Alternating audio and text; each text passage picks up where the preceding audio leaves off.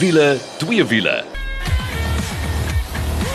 Nou toe as jy daai klanke hoor is natuurlik tyd vir wiele twee wiele en uh, dit is 'n leë ateljee want dit is ek en Nicole want Janet het 'n mediese ding waarna sy kyk en Nee, maar daar's twee mediese goeders. Hallo Abel. So so Janet is onder die lem en Ja. ja. waar's Mike? Wel Mike se seun het pampoentjies en ons is bang ons kry dit op ons ou dag gaan dit nie baie lekker uitwerk nie. Maar uh, ons gaan ons bes probeer om vir jou 'n bietjie te gaan vertel wat gaan aan in die motorbedryf. Ons het 'n lekker padtoets uh, Toyota se splinter nuwe Urban Cruiser. Dan gesels ons 'n bietjie Hyundai Palisade en dit het niks met 'n heining uit te waai nie. En uh, ja dan is uh, ons het laasweek vir julle so 'n bietjie lusmakertjie gegee. Dis tyd vir die Simola Hill Climb een van die dae. 'n lekker wenk van die week. Ons gaan gesels oor iets interessant Nicole. Ja, joh, ek sien sulke tragiese goed. Deesdae my oë is mos maar gereeld op die op die advertensies. Nou sien ek hierdie ouens wat hierdie projekte aanpak en dan lê hierdie engine in 'n boks en daar's groot trane en hulle wil die ding probeer verkoop. Hulle kon hom nie klaar kry nie. Ons gaan 'n bietjie vertel om daai te voorkom. Ja, en dan vir twee wiele gesels ons bietjie oor historiese muscle bikes of big bores soos hulle praat. So ons kan nie wag daarvoor nie. Maar kom ons spring sommer weg. Nou Mike is nie hier nie, maar uh, hy gaan definitief ons so 'n bietjie meer vertel. Jy weet, kom ons gesels met hom oor afstand. Sal ek sê, ons gesels met hom oor die telefoon. Mike, so wat het verander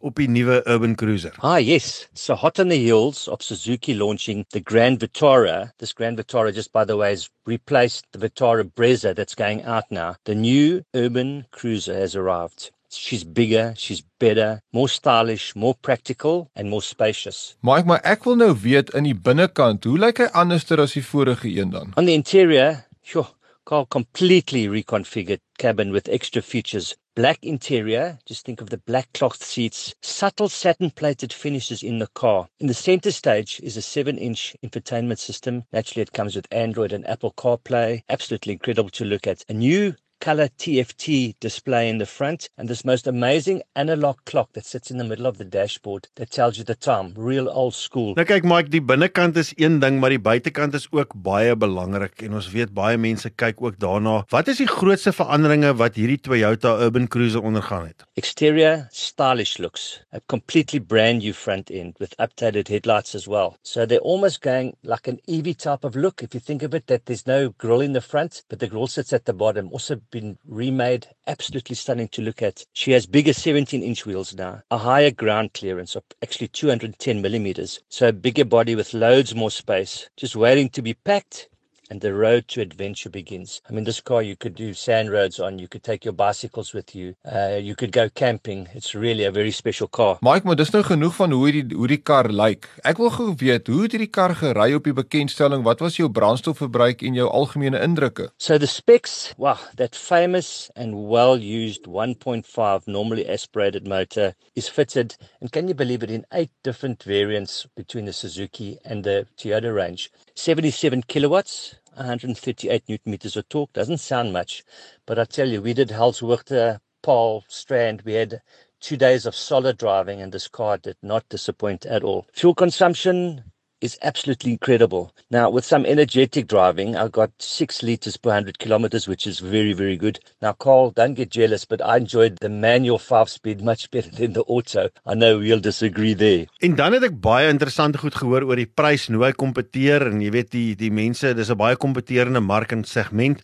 So Mike, vertel ons 'n bietjie meer, wat kry jy vir jou geld en wat kos dit en sommer net so vinnig, watse modelle is beskikbaar? Competition, Volkswagen's T-Cross, Cherry Tiggo Pro 4 and Hyundai Venue. Now what they did share with us that people that would buy this car would be in the age bracket of between 35 and 49. So very interesting research has been done. Pricing starts at 329,000 and this is where it's very clever because it's 10,000 rand below what Suzuki charged for a very similar car and ranges up to 370. Three models are available. What Toyota's also done with this one, a service plan on the outgoing model was 45,000 kilometers. They've upped it now to 60,000 kilometers. So this is four services. Toyota projecting 1,000 car sales a month of this model. So I think it's going to be really special.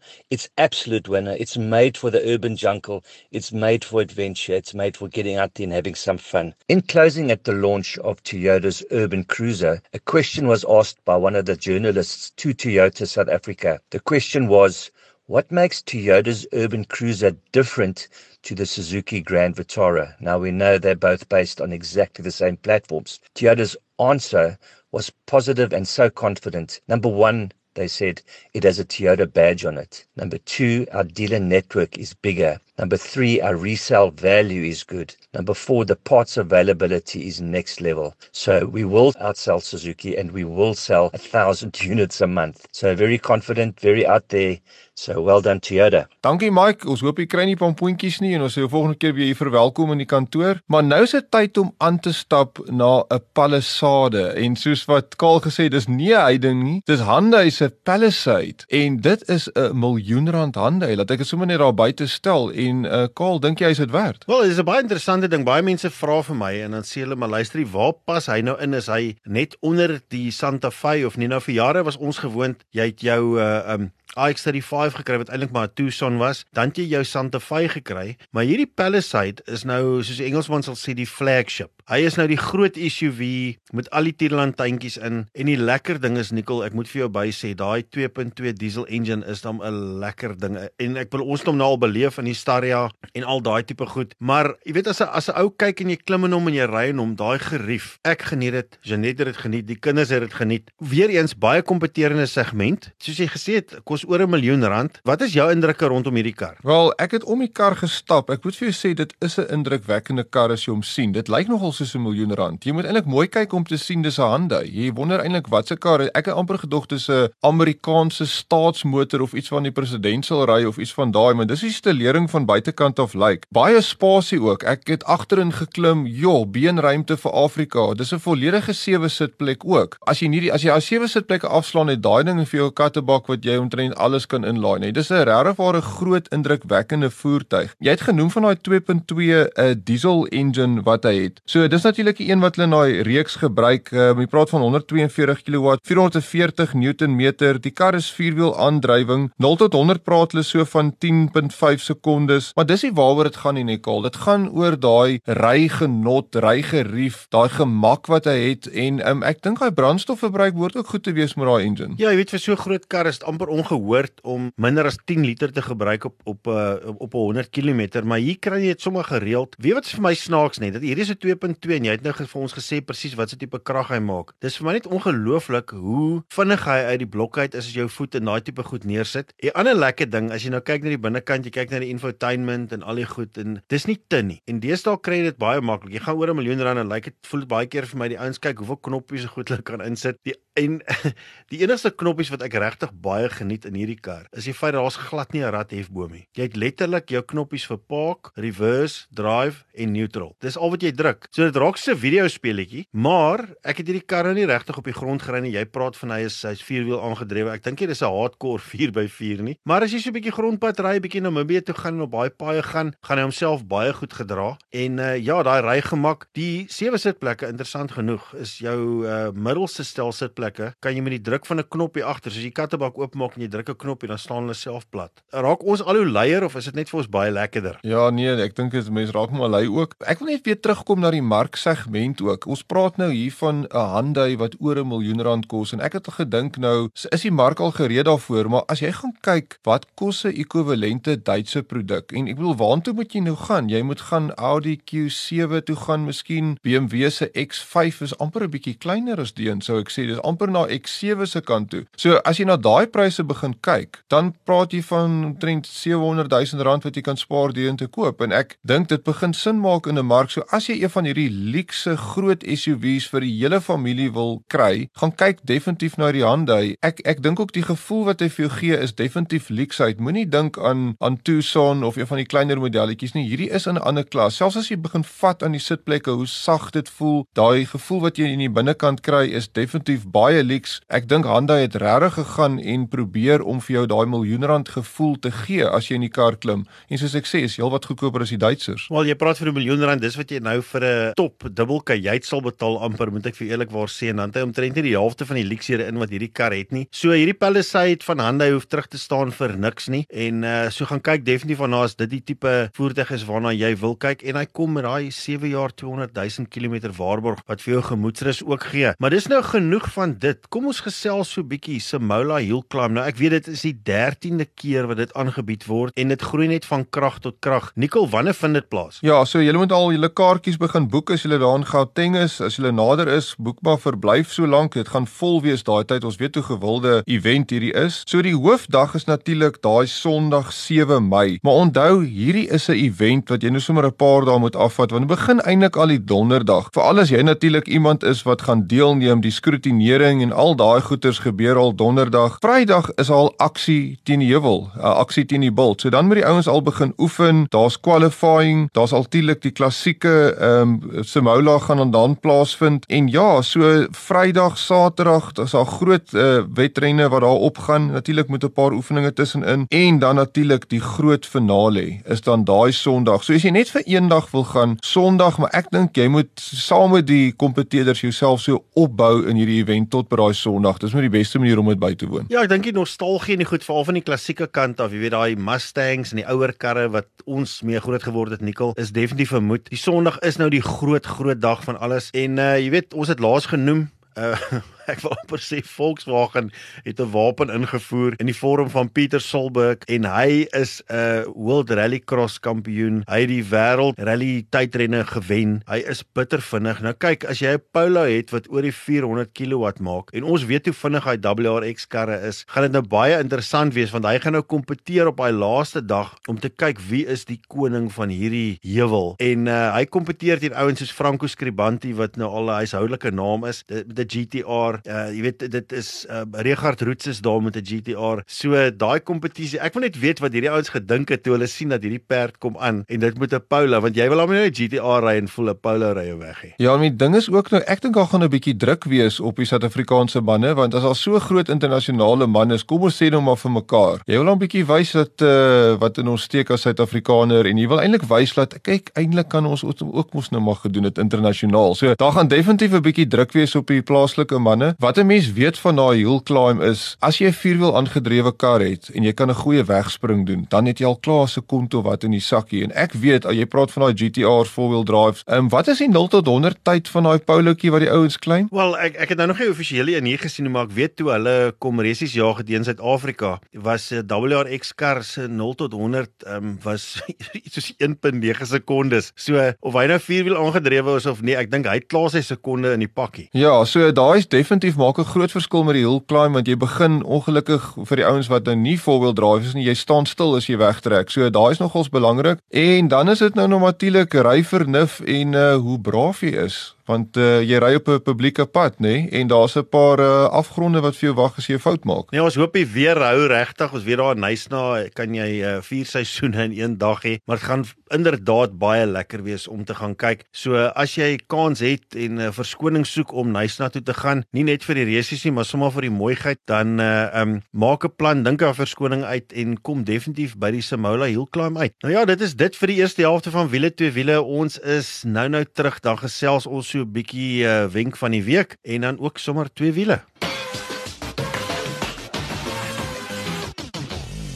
As jy 'n vlekvrye staal uitlaatstelsel soek of jy nou jou kar wil laat purr soos 'n klein katjie of laat blaf soos 'n Rottweiler, moet jy definitief 'n draai gaan maak by Powerflow Belwel. Hulle kyk na alles wat jy nodig het wanneer dit by jou uitlaatstelsel kom en jy kry boonop 'n 5 jaar waarborg ook. 'n Nuwe stelsel sal self vir jou beter werkvrugting gee. Besoek powerflowbelwel.co.za of Powerflow Exhaust Belwel op Facebook. Powerflow Belwel, jou nommer 1 vir vlekvrye staal uitlaatstelsels Nou ja, as jy nou net ingeskakel het, dit is wiele twee wiele en dit is net ek en Nicole in die ateljee en ek moet vir jou sê, dit het 'n baie interessante eerste helfte gehad. As jy dit nie gekry het nie, gemaak definitief 'n draai en gaan kyk of jy 'n pot gooi iewers kan kry. Maar nou, Nicole, ons wenk van die week. Ja, omdat ons nou net mansie is, kan ons ons nou doen wat ons wil. Dis nie vrouens wat met ons gaan raas nie. So ons wil 'n bietjie praat oor projekte. Nou kyk, ek dink daar is vrouens wat projekte haat. Want ek kyk so as ek na hierdie advertensies kyk vir motorfietsse en vir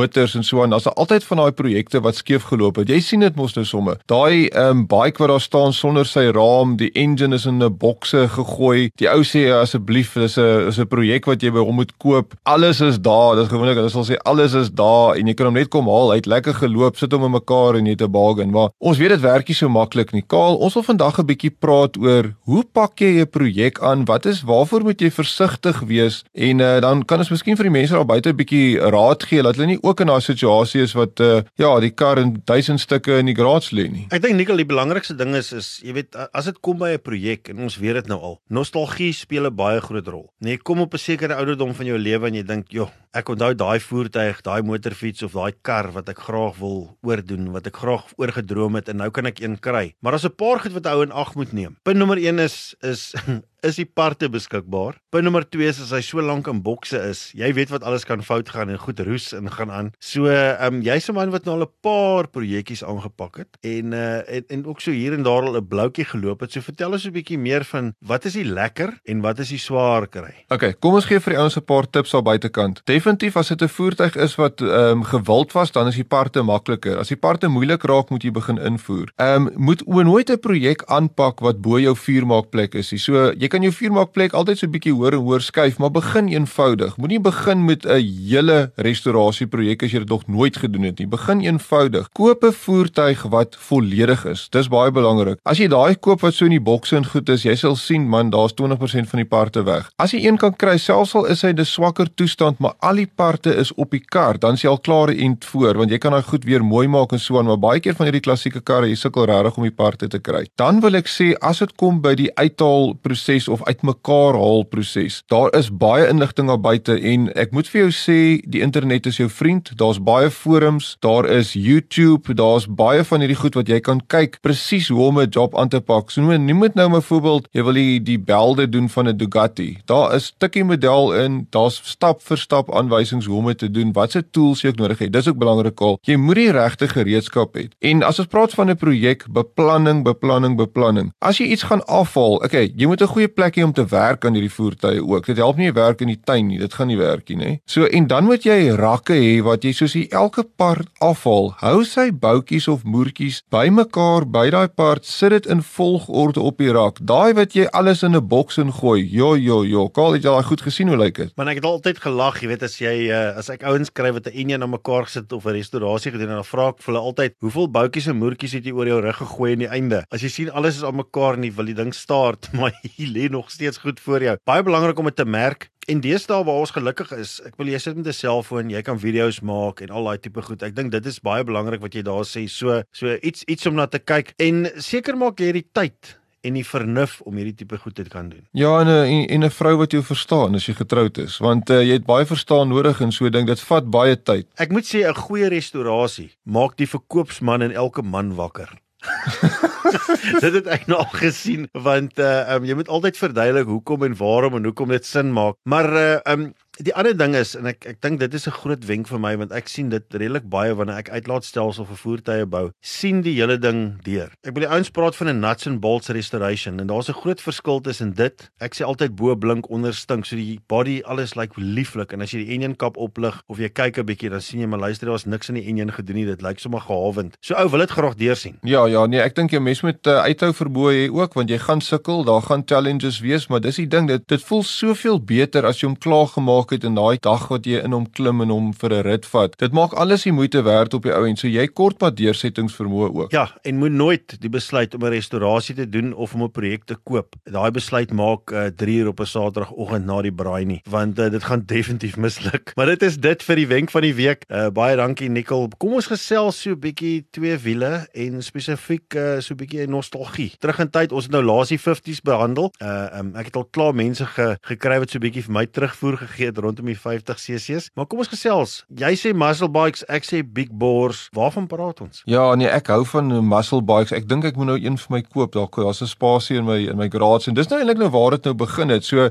Ek dink die muscle bike ding het regtig hier in die 90s het dit ingekom en wat die vervaardigers begin doen het is ons weet in die 70s 80s al daai CB's en daai tipe GS Suzuki's en so en was 'n naked bike so hy het nie fairings gehad nie 'n groot engine gehad um, en toe begin dit nou met die 90s die super bikes alles wat toe gaan en so aan en alles is nou hipermodern. Toe begin die vervaardigers sê vir mekaar, kom ons bou 'n bietjie muscle bike. So wat dit beteken is, kom ons vat die grootste engine wat ons kan kry. Gewoonlik is dit 'n detune engine van een van die vorige modelle. Nou ek gaan ons sommer praat van kom ons noem 'n paar modelle, Suzuki Bandit, nê. Nee. So die 1200 Suzuki Bandit, ons almal weet daai engine is gebaseer op 'n GSX-R 1100 oil-cooled motor wat heelwat ouer is, 'n bietjie uitgeboor. En nou sit jy met die Bandit en gewoonlik wat 'n muscle bike ook maak is, die suspensie is so belangrik. So jy hoef nou upside down virke te hê nie. Jy hoef nie 'n enkel skokbreker eers agter te hê nie. Dit lyk eintlik nog beter as jy die twee aparte skokbrekers op die swingarm agter het. So wat 'n muscle bike is is 'n bike met 'n groot engine, baie torque dis wat belangrik is. Naked, hy het gewoonlik 'n klein uh, fairingkie of so op as dit nodig is, anders net die hooflig voor, maar die ding is hoe hy klink en hoe hy ry.